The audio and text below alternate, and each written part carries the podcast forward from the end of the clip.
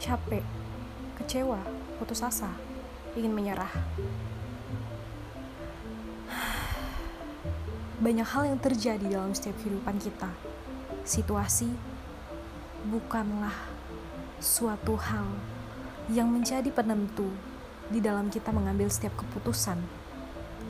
Simple note, catatan sederhana yang akan menggali kembali sebuah arti dari cerita situasi. Karena hidup ini memiliki tujuan, karena hidup ini memiliki arti. Belajar dari kegagalan, belajar dari kekecewaan, belajar dari suatu penyesalan yang udah kita lalui. Mari bangun bersama. Simple Note.